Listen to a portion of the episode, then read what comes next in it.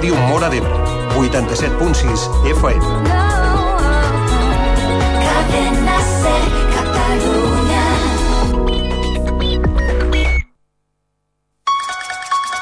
Tornat. Després de 30 anys estem novament aquí, amb vostès, amb vosaltres, amb Sèptimus, el programa que us portarà a una nova realitat, a un món que us atraparà. Misteri, fenòmens paranormals, ciències ocultes, expedients X i l'actualitat més recent de la mà de Francisco Román. Tots els diumenges, de una a dues de la tarda, tens una cita a Ràdio Mora d'Ebre, Cadena Ser. A partir d'aquest dia, ja res serà igual. Sèptimus. Escolta'ns. Ho passarem de por.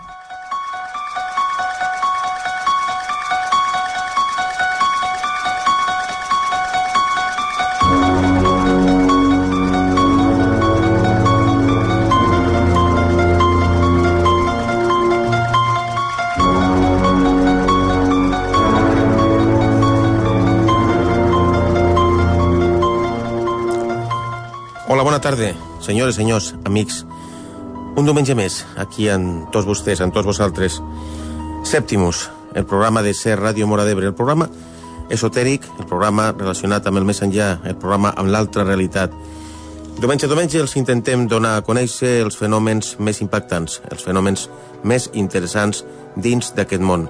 Avui amb moltes sorpreses, avui amb molts temes interessants. Esperem que els agradi.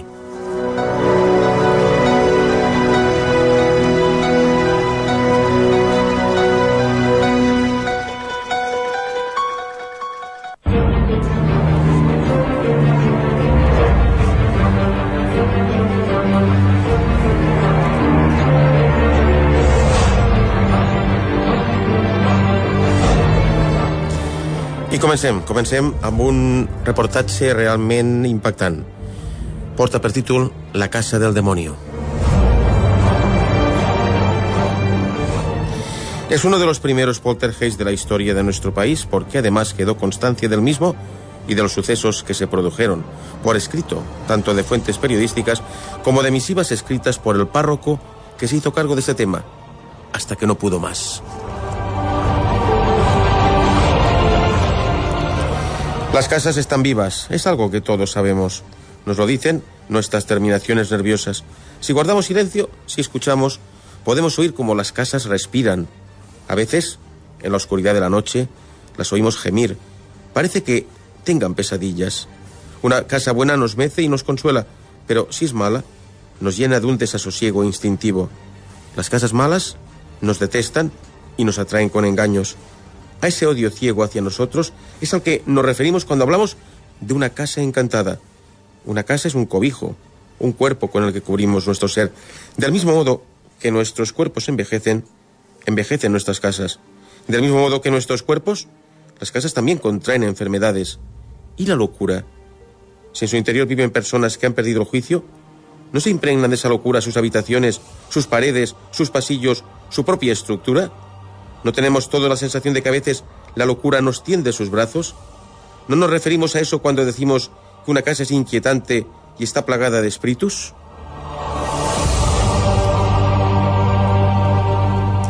Decimos que es una casa encantada, pero lo que realmente queremos decir es que ha perdido el juicio.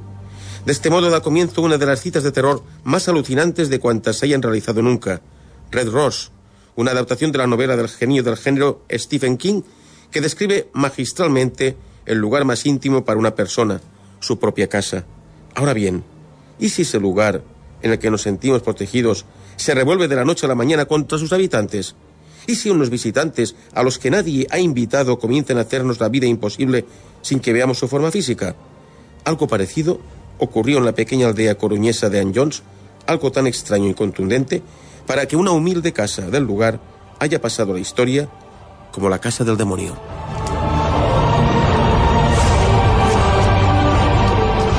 Así pues, regresamos a Galicia porque en la citada población todavía son visibles los restos de la enorme casona en la que se desarrolló todo. Hace décadas que permanece abandonada, aunque hay quien observa que los otros habitantes no parecen estar muy dispuestos a marcharse, porque todavía hoy despierta los miedos que le hicieron célebre hace años. Así, montemos en nuestra particular máquina del tiempo y viajemos a las postrimerías del siglo XIX, en el inmueble gracias a la labor de investigación de un periodista, Jesús Blanco, se ha podido saber que por esas fechas habitaban una anciana llamada Juliana Rodríguez, junto a su nieta María Hundins, que la cuidaba tanto como podía. Los días transcurrían tranquilos. Apenas sí se producían noticias en la población, más allá de las misivas que enviaban los familiares que tiempo atrás marcharon al nuevo mundo buscando un futuro mejor. La monotonía en esta región del planeta se escribía con letras mayúsculas, hasta que ocurrió algo inesperado. Primero fue la muerte del marido de Juliana y poco después unos misteriosos fenómenos que a día de hoy siguen sin explicación. Fue, de repente, inesperado. Ambas mujeres, ante las extrañas percepciones que aseguraban sentir, acudieron al auxilio del párroco local, Juan Antonio Combarro. Este, tiempo después, daría debida cuenta de aquellos esporádicos sucesos en una carta que remitió al periodista Prudencio Landín. En la misma, en sus primeras líneas, dejaba entrever el escepticismo inicial con el que se tomó el tema. Como era natural, yo principié a reputar su narración por cuantos de viejas, teniendo yo prevención contra tales narraciones, y en casi la totalidad de los casos suposiciones de gente alucinada. Así, pensaba hasta que acudió con abuela y nieta a la casa encantada. Y entonces... De repente, cae ante mis ojos una piedrecita con suave proyección al suelo.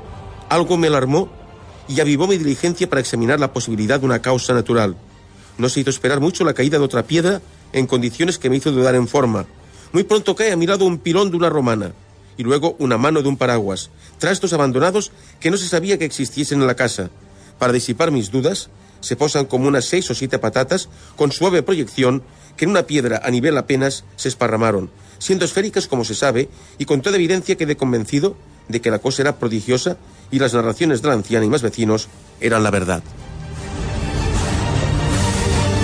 El sacerdote, después de aquel episodio, decidió que no volvería a pisar aquel suelo maldito, pero no dudó a la hora de hacer llegar al cardenal arzobispo de Santiago, Martín de Herrera, una crónica detallada de lo ocurrido, a fin de que fuese el purpurado quien determinase qué actuaciones debían llevar a cabo.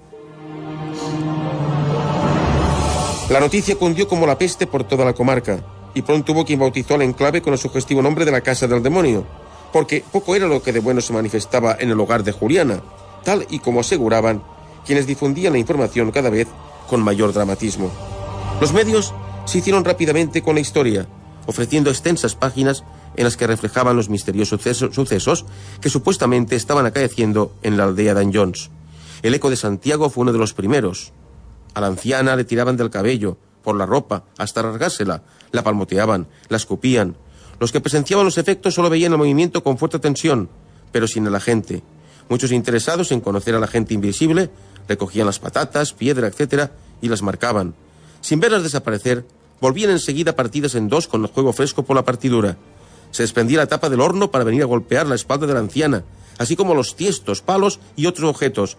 Un día, tanto se anduvo jugando con un tiesto que la anciana mandó que la nieta lo cerrara en la artesa, y al instante, sin abrirse la artesa, vuelve al juego dicho tiesto. Fueron muchos los testigos acreditados, el farmacéutico, el juez municipal, quedan presentados como personas dignas de crédito, fuera de toda sospecha, por lo que la sombra del fraude se alejaba de aquel lugar.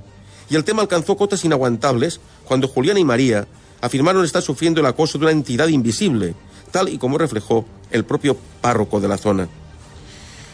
Notará usted que nada le dije de la niña. Nunca se asustó porque a ella nada le hacían, pero le llegó su hora y fue palmoteada y apedreada y hasta con dos cuerdas con un lazo se las arrollaron a la garganta hasta no dejarla gritar y zarandeándola por la cocina. Desde esto, la niña estaba triste, llena de temor por lo que pueda sucederle. La casa no tardó en ser abandonada, porque sus habitantes no podían más con la desasogante situación. Pero desde ese instante, su leyenda no ha hecho más que crecer, porque alrededor de la misma se han producido misteriosas muertes, supuestos fenómenos poltergeist, y el que quizá es el punto más aterrador, la aparición de un siniestro monje que se pasea por un lugar que hoy aparece vestido de ruina.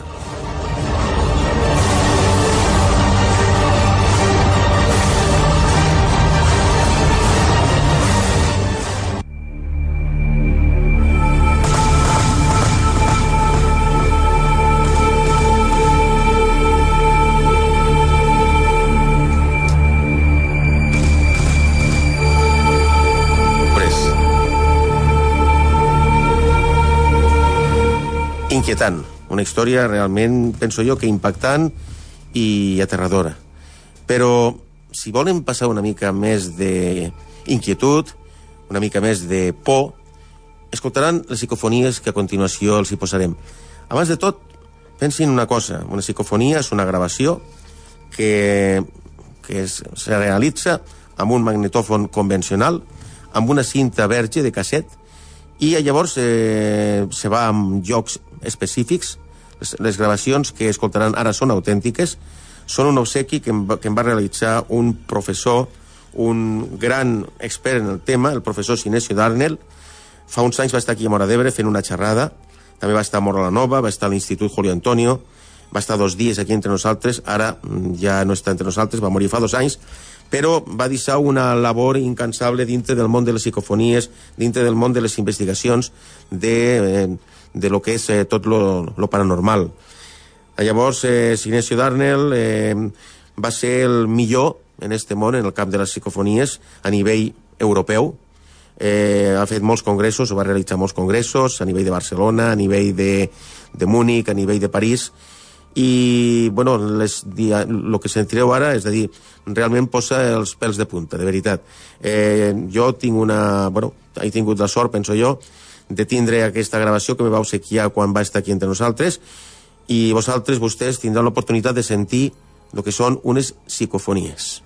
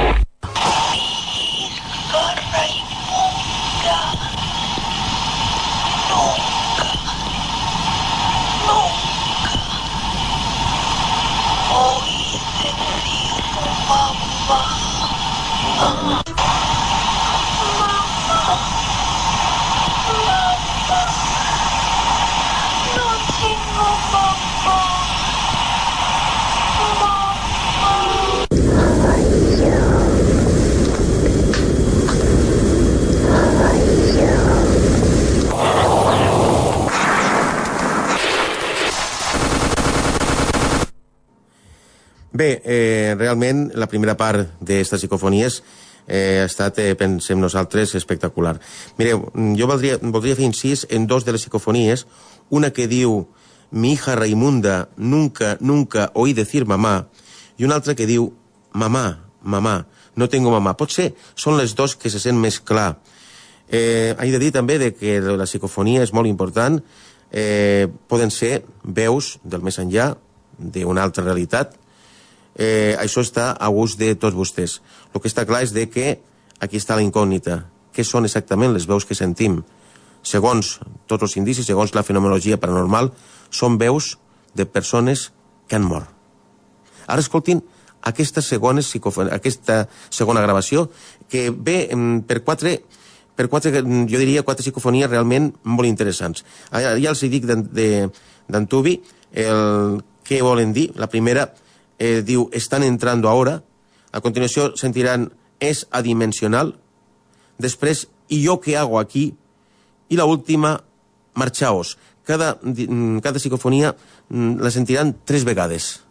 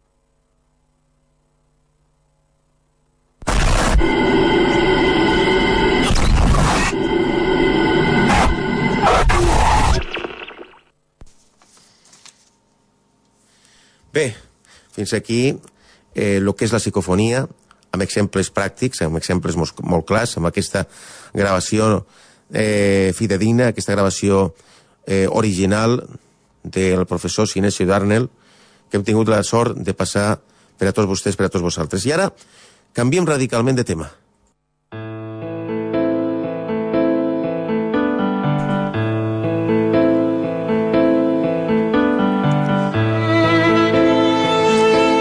Bé, i canviem radicalment de tema. A partir d'avui, durant els successius programes, tindrem entre nosaltres a diferents eh, persones eh, expertes en temes esotèrics, eh, bé escriptors de llibres relacionats amb els temes eh, que estem tractant en el nostre programa, bé també eh, persones pues, que estan en el món de les teràpies alternatives, i altres persones pues, que ens vulguin explicar mm, experiències eh, que hagin tingut o vulguin també pues, donar la seva opinió sobre alguns temes. Aquí tenim, ten, tenim la, el micròfon obert per totes aquestes persones. Avui tenim el goig de comptar entre, entre nosaltres a una de les grans conegudes de ser Radio Mora d'Ebre, una tertuliana pues, eh, mm, fixa, pràcticament, de totes les setmanes. Tenim entre nosaltres a la Rosa Hernández. Bon dia. Hola, bon dia a tothom. Bueno, el fet de que estigui aquí entre nosaltres, eh, aquí eh, avui a Ser Ràdio Mora d'Ebre, és pel fet de que ella pues, és una gran amant de les ciències esotèriques, una gran entesa, i avui li voldrem fer una sèrie de preguntes, ja que estem en el programa pues, eh, que tracta tots aquests temes, el programa Sèptimus. Eh, voldríem, Rosa Maria, mm, primer que ens mm, expliquessis si tu creus en els fenòmens paranormals.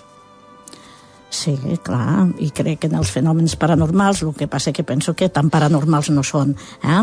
Només falta saber què són en realitat, alguna gent no ho sap, però actualment ja s'estan fent molts estudis i se sap que bé, eh, que les persones eh, podem arribar a, a fer nosaltres mateixos aquests fenòmens paranormals que diuen. És dir, que en realitat és qüestió de la nostra ment. Eh? Depèn com tinguem la nostra ment, podem induir nosaltres mateixos algun fenomen paranormal, o nosaltres o alguna persona que estigui a prop. Mm?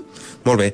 Eh, tu tens o has tingut alguna experiència en este, en este camp? En este camp, sí, n'hi he tingut algunes, però jo no diria que són paranormals. Potser en aquell moment sí que ho eren, però bé, no, no, no serien dins d'aquest camp absolutament paranormal, perquè penso que molta gent quan parla de paranormal ja pensa que són com una mena de miracles o fenòmens així estranys. En realitat, al planeta Terra no hi ha cap fenomen estrany. Tot a la llarga es pot explicar. Canviem de tema. Eh, alquímia. Rosa Maria és eh, entesa, de les grans enteses, en el món de l'alquímia. Per què l'alquímia?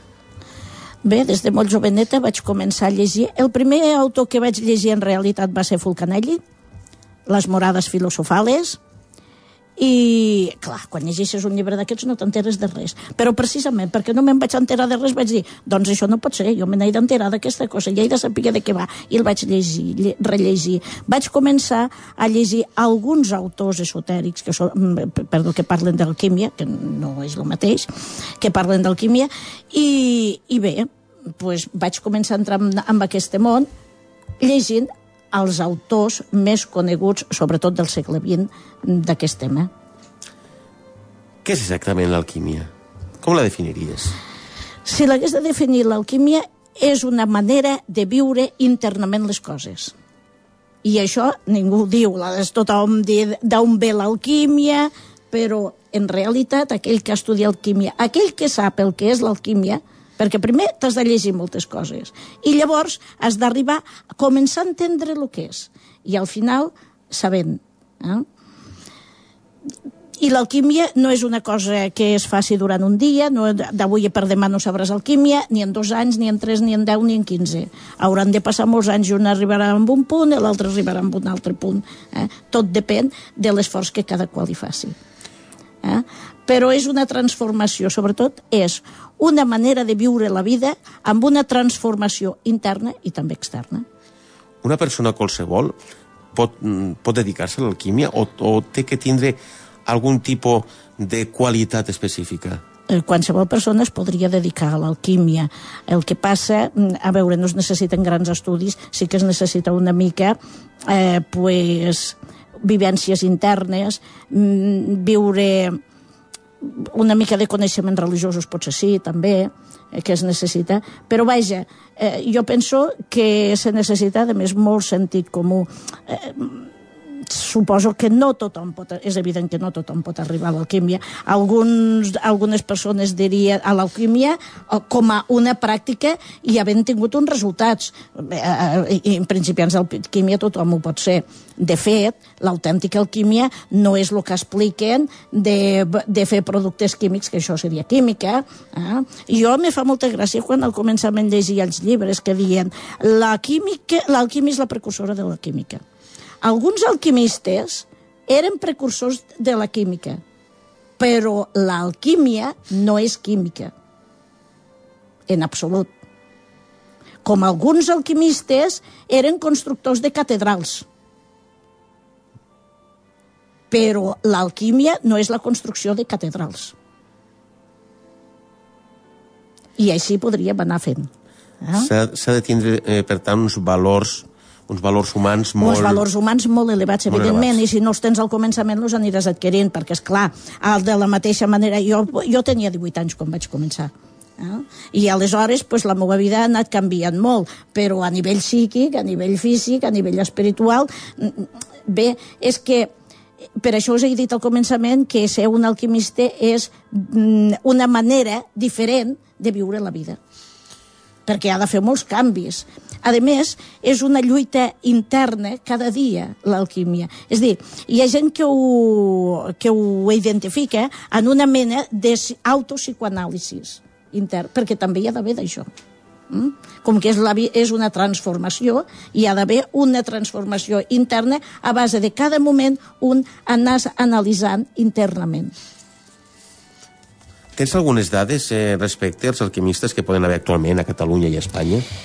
Mm, això és molt difícil, perquè eh, tu saps que actualment doncs, tot les ciències esotèriques que en diuen pues, estan bastant a l'actualitat. I aleshores eh, molta gent es diu que és alquimista i realment no ho és, o, o, o se confon una mica l'alquímia. Per exemple, hasta no fa gaires anys hi havia un senyor que eh, que sí escrivia llibres sobre alquímia, però en realitat el que feia era productes farmacèutics, és dir, treballava en herbes, el que normalment se diria espagíria. Eh? I sí, hi ha molta gent, jo llegeixo llibres de gent que diu que és alquimista. Jo no ho podria dir, jo si no el veig no puc parlar amb ell, tampoc ho podria dir si realment ho és o no ho és, i fins en quin punt ha arribat. Tu creus que que l'alquimia pot ser una de les ciències esotèriques més importants? És que l'alquímia mm, té molts camps per a poder per a estudiar. Té, dins de... Qui, a veure, com que l'alquímia la, és un coneixement en realitat global, quan un entra a la químia, a l'alquímia ha de tocar diversos punts. Per exemple, doncs ha d'estudiar una mica d'esoterisme, o ha de llegir com a mínim, o saber de què va, però és que ja humanament ja tot això li porta. També ha d'estudiar molta història per a intentar indagar què pot haver de veritat, l'autèntica història, perquè tu saps que actualment eh, la història eh, s'està una mica redefinint pels, pels nous, eh, per les noves troballes, i també una miqueta d'història antiga s'ha d'intentar saber, s'ha de saber una mica de filosofia, és dir, que una mica s'ha de tindre un coneixement possiblement no molt elevat, però global de la vida. A mi m'han dit persones que, que, que la ciència esotèrica és el que toquem aquí en el programa, uh -huh. alguns dels aspectes que toquem aquí en el programa, que, que no té res a veure la religió. Diu, com pot ser que tu, que ets una persona religiosa, puguis fer aquest programa. Jo dic, no té res a veure, perquè els valors els té la persona. És a dir, tu dones a conèixer uns valors que després la, la persona que ho escolta ho accepti o no, és molt lliure. Per tant, jo, jo penso, no sé, a veure què opines tu, de que eh, no està ni molt menys contraposada a la religió, a les ciències esotèriques. No. Mira, entre d'altres coses, l'alquímia és fonamentalment religiosa, perquè a través de l'alquímia se troba a Déu. Així de clar. El que passa és que Mm, mm, durant els segles ha estat molt perseguida, precisament perquè és, ha estat una manera molt peculiar de trobar Déu. És dir, l'alquímia, eh, com que diguem-ne que ha begut de moltes fonts, Una de les fonts que ha begut també és sobretot del món oriental.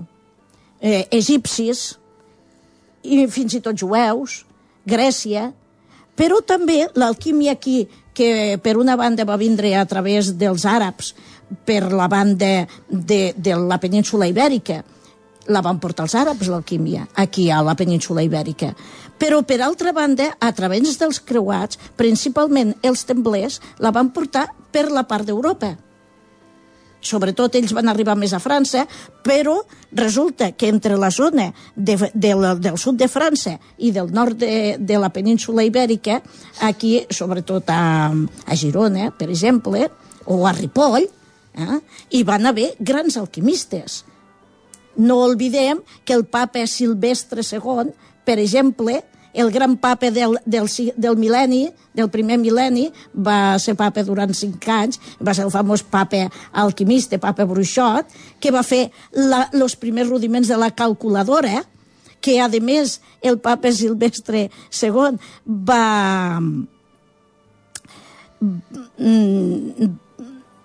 va, ell realment no ho dia explícitament, però sí, tothom lo va tindre com un gran alquimista, eh? I aleshores, pues, eh, eh, algunes de les seues coses més tard fins i tot van ser perseguides. Mm? Per què hi ha gent que compara llavors el terme de l'alquímia amb la bruixeria? Jo no sé si s'ha comparat molt l'alquímia amb la bruixeria. Jo penso que no. Jo penso que més aviat s'ha comparat en la, mica, en la química. Però precisament eh, aquestes coses se comparen en la bruixeria sobretot perquè són coses desconegudes. Aquí està. Eh?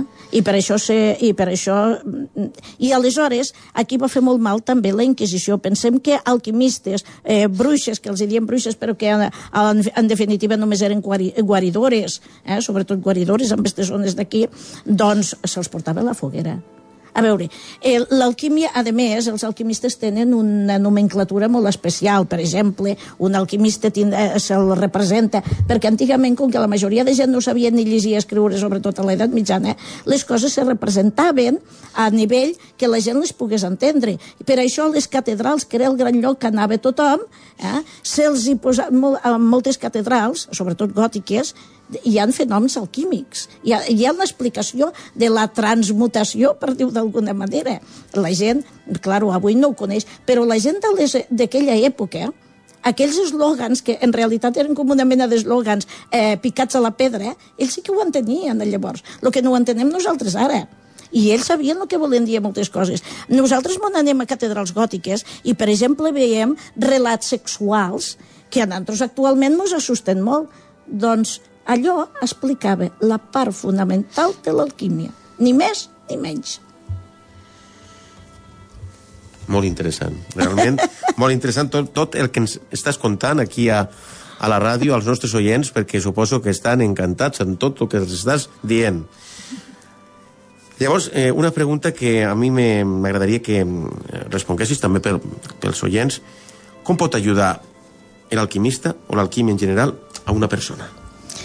A veure, aquell que estudia alquímia, en primer lloc, mireu, a nivell de la religió no creuen en el, de, en el dimoni els alquimistes, ni creuen en el bé i en el mal. Per cuidado, que això ho hem d'explicar una miqueta.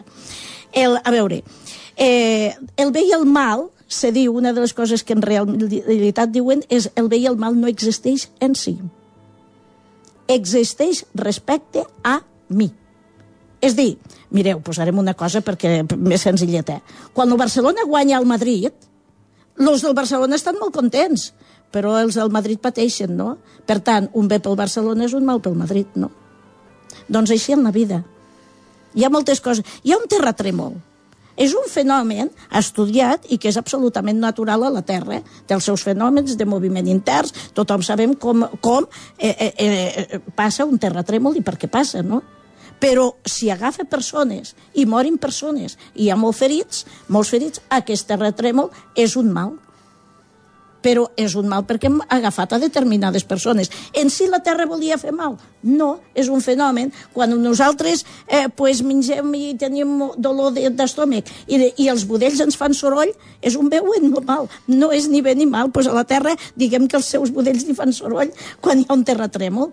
No, no, i no vull dir rientment això, però és que en realitat, a veure, el que sí diuen és que, primer, no existeix ni bé ni mal ni existeix temps si no existeixen persones.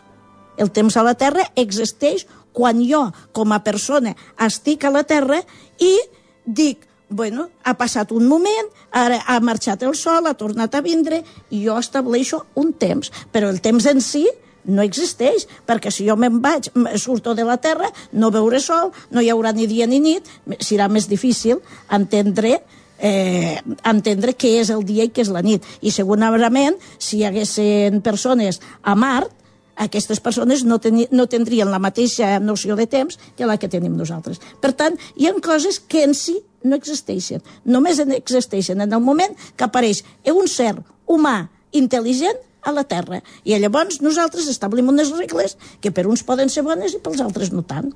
Però en si aquestes regles no, no són ni bé ni mal, ni bones ni dolentes. Rosa Maria, ens has donat una gran lliçó.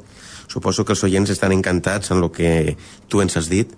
Eh, els valors de la persona en lo, en lo que, en les teves paraules, han guanyat molts enters esta nit, o este, prim, perdó, este migdia, i, i bueno, jo voldria, pues, sobretot, animar-te que continuïs en este camí, perquè fas molt el bé a les persones, no solament explicant tot això, sinó pues, amb el dia a dia, i t'emplacem, t'invitem a que estiguis aquí nosaltres quan vulguis. Hi ha alguna molt important. El propòsit del nostre programa és fer un, unes jornades eh, esotèriques eh, i relacionades amb el, amb el més enllà, amb l'altra realitat, i invitar persones pues, que dominen el tema com tu. Llavors ja te fem la invitació directa perquè en aquestes jornades que volem portar-les a terme eh, molt aviat, és a dir, dintre d'un mes. Eh, volíem invitar-te i, i, i que siguis una de les ponents. Bueno, intentarem fer-ho. Moltes gràcies per estar entre nosaltres. Gràcies a vosaltres.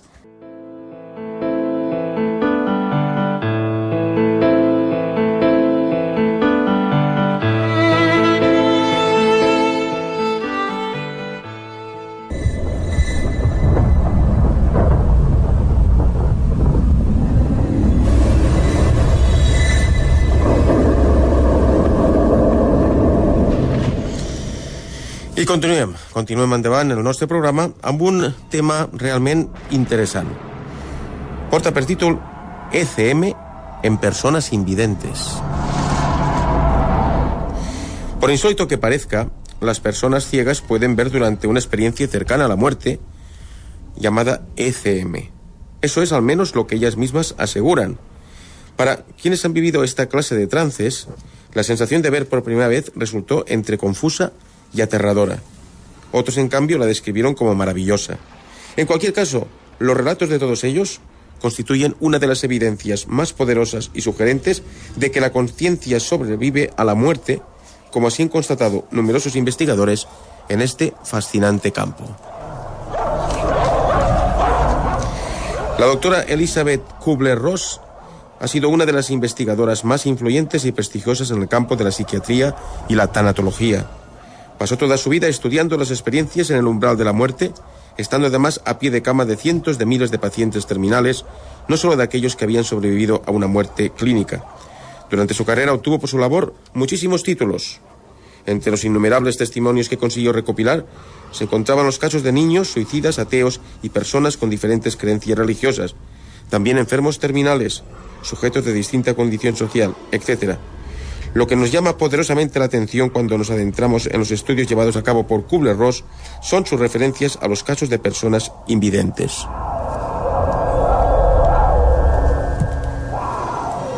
Los ciegos que tuvieron una experiencia corporal y volvieron pueden decirnos con detalle los colores y las joyas que llevaban los que los rodeaban en aquel momento, así como detalles del dibujo de sus jerseys o corbatas. Es obvio que no podía tratarse de visiones. Para Kubler-Ross, el testimonio de las personas privadas de visión es uno de los más importantes a la hora de, descartar cualquier posibilidad de alucinación, falta de oxígeno y otras causas aportadas por colegas médicos, escépticos a la hora de considerar el fenómeno de las ECM como una evidencia de vida después de la muerte. A finales de la década de 1990, Kenneth Ring, profesor emérito de psicología en la Universidad de Connecticut, Estados Unidos, se propusieron realizar un estudio ampliado. De los casos que llevaron a cabo, 16 habían experimentado una ECM y 10 habían tenido, entre otras cosas, algo muy parecido. O sea, que los ciegos, como otras personas que practican meditación o porque, por cualquier otro motivo, también tienen experiencias extracorpóreas en las que se ven a sí mismos y al entorno que les rodea, no solamente ECM.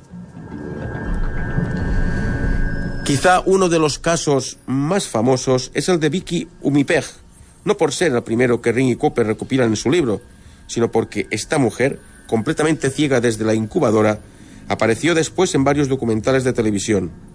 Umipeg tuvo dos experiencias cercanas a la muerte, una a los 12 años, a causa de una peritonitis, y otra a los 22, en un accidente de autobús. Recogemos su testimonio a partir del momento en que se hallaba en el hospital tumbada sobre una camilla. Vicky salió de su cuerpo y se encontró a sí misma flotando en el techo.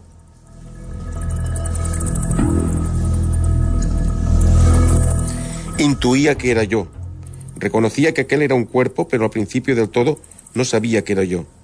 Omipeg disfrutó muchísimo de la sensación de libertad y movimiento de la que en aquellos momentos era dueña. También empezó a oír una música sublime. Fue aspirada cabeza arriba a través de un túnel que ella definió como un tubo y sintió como la estiraban hacia el interior del mismo. La carcasa era oscura, aunque se daba cuenta de que se estaba moviendo hacia la luz. Le costó encontrar palabras para lo que vino después, porque la sensación fue la de estirarse como si le pasaran un rodillo hasta encontrarse tirada sobre la hierba. Estaba rodeada de árboles y flores, y había otras personas allí, muchísimas, y brillaban. Lo que más le llamó la atención quizá fue la fabulosa luz, una, una concepción que Vicky no solo pudo ver, sino también sentir. Todo estaba hecho de luz. Yo estaba hecha de luz. Lo que la luz transmitía era amor. Había amor por todas partes, relata Mipeg. Allí vio a personas que había conocido en vida y que ya habían fallecido, como sus dos compañeras de colegio, Debbie y Diane, también ciegas, que habían muerto años atrás, cuando tenían tan solo 11 y 6 años. Si en vida habían padecido no solo ceguera, sino también un profundo retardo mental, ahora se encontraban ante ella, brillantes y preciosas, rebosantes de salud. También vio a dos de sus cuidadores de la infancia y a su abuela, todos ellos fallecidos tiempo atrás. Tenía la sensación de que lo sabía todo y que todo tenía sentido, comentó más tarde. En un momento dado, un ser supremo le preguntó si no era maravilloso todo lo que estaba viendo. Después le advirtió de que todavía no era su hora. Debía regresar. Ella se resistió un poco. Le contestó a aquel ser que quería seguir allí, pero no pudo hacer nada al respecto. La entidad le dijo que era preciso que volviera, pues aún tenía que aprender y enseñar mucho sobre el amor y el perdón. Hubo más, puesto que una vez que accedió a volver, aquel mismo ser le dijo que primero debía ver algo, mostrándole toda su vida en una especie de visión panorámica. Mientras Vicky lo contemplaba todo, profundamente admirada, el enigmático ser le iba haciendo comentarios para ayudarla a comprender el significado de sus acciones y las repercusiones de las mismas. Tras aquello, volvieron a decirle que debía regresar. En aquel preciso instante, se encontró nuevamente en su cuerpo, experimentando un pesado y profundo dolor. El caso de Vicky Umipeg no es excepcional. En Midisig viene acompañado por el de otros testimonios similares de personas ciegas de nacimiento. Una de las preguntas que nos viene a la mente es ¿cómo saben estos sujetos lo que están viendo? O si están viendo si nunca han podido ver. En el ejemplo de Vicky Umipeg, la pregunta debe remontarse a la primera vez que experimentó una ECM a causa de una peritonitis cuando tenía 12 años. Lo que respondió a quienes investigaron su experiencia fue, resulta difícil explicarlo, es como oír palabras y no entender lo que dicen, pero saber que son palabras.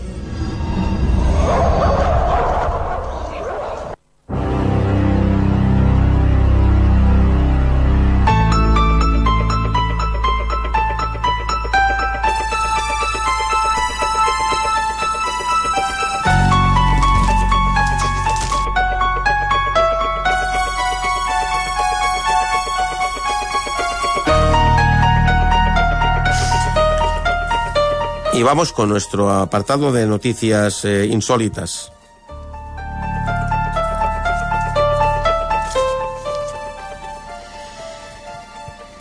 Una extraña criatura ha sido encontrada en la costa de la isla de Sakhalin, Rusia. Los restos de este raro animal, del que aún se ignora a qué especie pertenece, fueron hallados por un grupo de soldados rusos. Por sus huesos y su dentadura, los expertos han descartado que se trata de un pez y también un cocodrilo o un lagarto gigante, dada la forma de su esqueleto. El animal posee una extraña piel recubierta de pelaje. En la actualidad, sus restos están siendo estudiados por un grupo especial de investigadores. Antes de que los soldados llegasen al lugar en el que se encontraba el cuerpo, varias personas se acercaron a tomar fotos, que son las que han salido a la luz últimamente.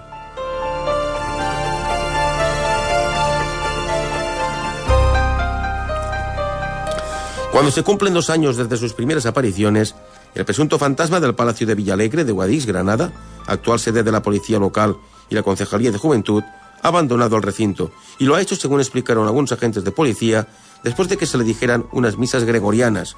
En el pueblo se atribuía al supuesto espíritu a una antigua portera de la Escuela de Artes que vivía en el recinto, la señora Luisa, que al parecer se ha manifestado en diversas ocasiones.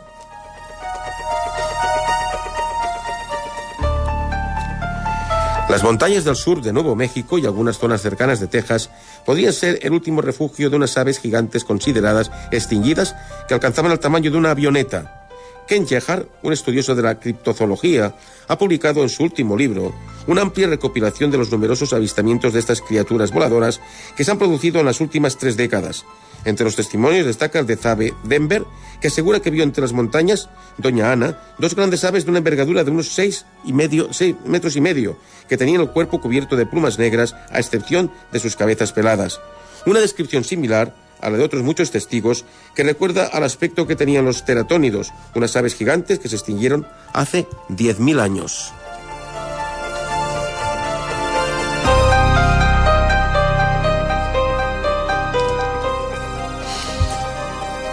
Una familia de la localidad tailandesa de Phuket se vio sorprendido el pasado día 3 de septiembre por una insólita lluvia de misteriosas esferas transparentes. Había estado lloviendo esa mañana, pero momentos después de parar, escuchamos el sonido de multitud de objetos golpeando nuestro tejado. Al salir de casa pudieron ver más de un centenar de pequeñas esferas repartidas entre el jardín y el tejado, de alrededor de un centímetro de diámetro, transparentes y de tacto suave y flexible. Algunas han sido recogidas por el Instituto de Ciencias Médicas de Bangkok para ser estudiadas y determinar su origen. Mientras, los vecinos de la zona esperan conocer los resultados. Para la mayoría no hay duda de que esas pelotas proceden de un ovni y son muchos los que creen que se trata de un augurio de buena suerte.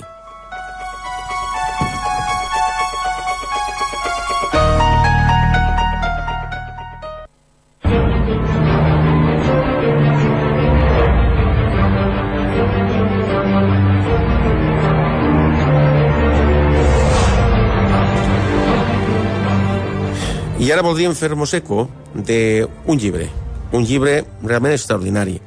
Un llibre molt proper a nosaltres, dic molt proper perquè és d'un eh, company, d'un company eh, del Morra la Nova, eh, que ha publicat un llibre. Ell és eh, Lluís Cardona. Ell, pues, bueno, pues, eh, és una persona molt espiritual i, com ja veureu, quan us comenti les característiques del llibre, pues és un llibre que recomano a tots. A part, eh, emplacem a Lluís eh, amb una propera entrevista aquí a la ràdio també i també pues, a que pugui col·laborar en lo que serà pues, eh, aquestes jornades que després parlarem una mica més àmpliament. El llibre porta per títol Geodèsia Sagrada. Lo tinc entre les meves mans. És realment impressionant veure la seva portada també i és de l'editorial Círculo Rojo. Eh, Lluís Cardona, per, que els voleu, per aquells que voleu conèixer una mica, Eh, va néixer al 1961 en la comarca de la Ribera d'Ebre. Des de la seva infància se sent motivat per l'expressió pictòrica. En primer lloc tracta temes de realisme figuratiu, després a la seva joventut passa al surrealisme i més tard amb un art conceptual on prima la textura i els relleus gravats eh, amb pictografies principalment. La seva activitat professional era agent forestal fins que, fins que va ser truncada per un accident laboral que li va fer postrar en cadira de rodes. Actualment conserva una relació íntima amb la, la natura que l'indueix a això a profunditzar d'una manera àmplia en el món de l'art. Ha realitzat diverses exposicions en diversos països i és la primera vegada que escriu un llibre desenvolupant o desenvolupant una teoria. Quina és aquesta teoria? Ara os la dono a conèixer, els hi dono a conèixer. És la teoria de la geodesia sagrada que prueba con datos tangibles la existencia de un mensaje geométrico elaborado por una primigenia civilización que ha sido divulgado por medio del arte en todas las culturas antiguas, desde la prehistoria, sumeria, egipcia, hindú, ibera, mesoamericana. Redescubriremos en este libro la espiral terrestre, diseñada a imagen y semejanza de la espiral celeste, que traza el planeta debido a la oblicuidad de su órbita y que se constituye como el camino más antiguo de la humanidad, entrelazando la ruta de la seda con el camino de Santiago y la ruta transsahariana. Evidenciaremos que esta espiral es representada como la serpiente ancestral que forma parte de todos los mitos y leyendas sobre los orígenes de la humanidad. Despejaremos la mayor incógnita del ser humano. Encontraremos el ombligo del mundo y revelaremos el contenido secreto del grial donde se han inspirado todas las concepciones religiosas y espirituales. Cristianismo, hinduismo, budismo, yoga, vudú, cábala. Y por último, ofreceremos las coordenadas exactas de la ciudad capital de la Atlántida. Realment impressionant. Un llibre que no té desperdici. Us ho recomano, els recomano al 100%. Tindrem molt aviat eh, la sort de tindre entre nosaltres a Lluís Cardona, que ens explicarà en profunditat el que és este llibre, el que és el que hi tracta i el que és la seva filosofia.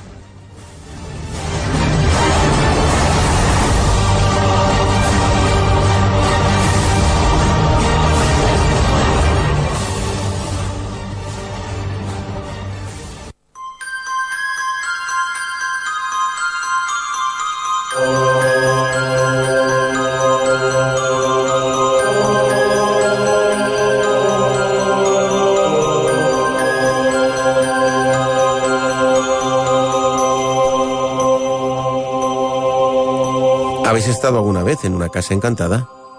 Supongo que la mayoría no. Vamos a adentrarnos en una casa encantada. Vais a ser protagonistas por unos minutos del miedo que podáis pasar cuando entráis en un lugar donde no sabéis lo que vais a encontrar.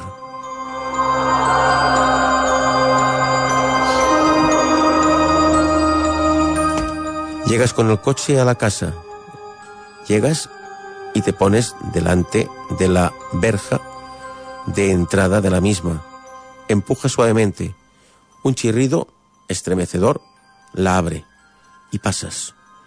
La sensación que tienes al llegar allí es una sensación desagradable. Comienza a haber niebla. Comienza a hacer frío. Y tú sientes en aquel momento que un pequeño escalofrío comienza a recorrer tu cuerpo. Te adentras en el interior del jardín. Llegas hasta la puerta de entrada a esa mansión, esa mansión desconocida, una mansión que tú no conoces, pero que está ahí, delante tuyo. Al momento, un fuerte golpe te hace girar hacia atrás. La verja se ha cerrado. Empuja suavemente la puerta de entrada, una puerta que está deteriorada por los años, una puerta de madera, pero que conserva toda su elegancia. La empujas para ver si está abierta y, curiosamente, se abre. Te invita a pasar al interior. Esa puerta que se ha abierto te invita a pasar a ver lo que puedas encontrar. ¿Qué encontrarás en una casa que tú no conoces, pero que la curiosidad te ha movido a entrar en ella? Entras, intentas dar la luz, pero naturalmente no funciona. Llevas por eso una pila. Sabes que conservas las pilas para que funcione. Y funciona, por suerte. Sigues andando, entras a su interior y en el momento en que enfocas a la escalera, un fuerte golpe te hace girar hacia atrás. La puerta de entrada se ha cerrado. El miedo comienza a hacer presa en ti. Estás realmente atemorizado porque está todo oscuro y tú estás en una casa solo, sin nadie. Únicamente te acompaña una pila y tú mismo, tu persona. Pero hay alguien más, sin duda, porque al momento unos pasos comienzan a oírse en el piso de arriba. Unos pasos que poco a poco van bajando la escalera, esa escalera vieja, esa escalera roída por los años, pero que aún conserva toda su elegancia. Enfocas hacia la escalera, pero no ves nada. Los pasos siguen bajando y siguen acercándose. Sigues intentando enfocar a ver si descubres la fisonomía de ese ser o de ese algo o de ese ente que poco a poco va aproximándose a ti. Estás petrificado por el miedo, estás petrificado por el terror. ¿Podrás soportarlo? Está muy cerca de ti. Esos pasos llegan hasta donde tú estás, enfocas, pero no ves a nadie. De repente... Por favor, no me hagas nada.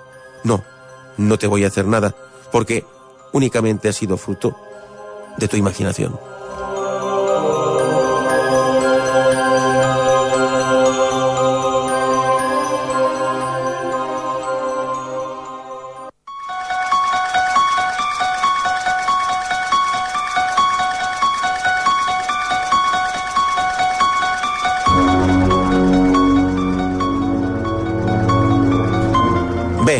Recta final del nostre programa tenim temps ara per donar-los dos, eh, tres notícies importants i interessants. Primer, la primera notícia és eh, notificar-los de que els dies 15 i 16 de juny, dissabte i diumenge, eh, tindrà lloc a la població de Tivissa la primera fira de teràpies alternatives de la Ribera d'Ebre.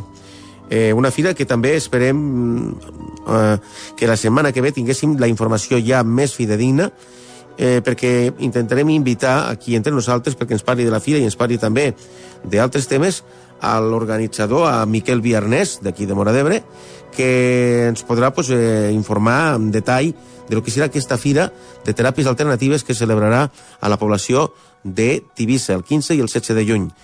La setmana següent pues, eh, tindrem ja eh, el que seria pues, l'aconteixement que tots esperem, l'alerta OVNI, que serà eh, precedida d'unes eh, activitats o unes xerrades o unes conferències eh, del món eh, de l'esoterisme, de les ciències paranormals, de la ufologia, i que eh, la setmana vinent ja els ampliarem amb més detall. És a dir, la, a partir de la setmana que ve, ampliació en detall de tot això i de molt més.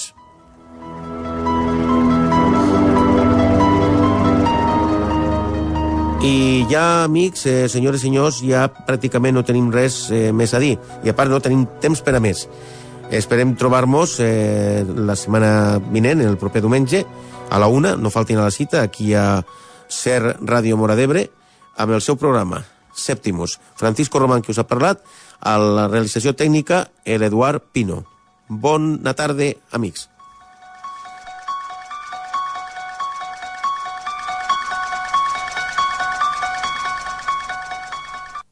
Ràdio Mora d'Ebre, 87.6 FM.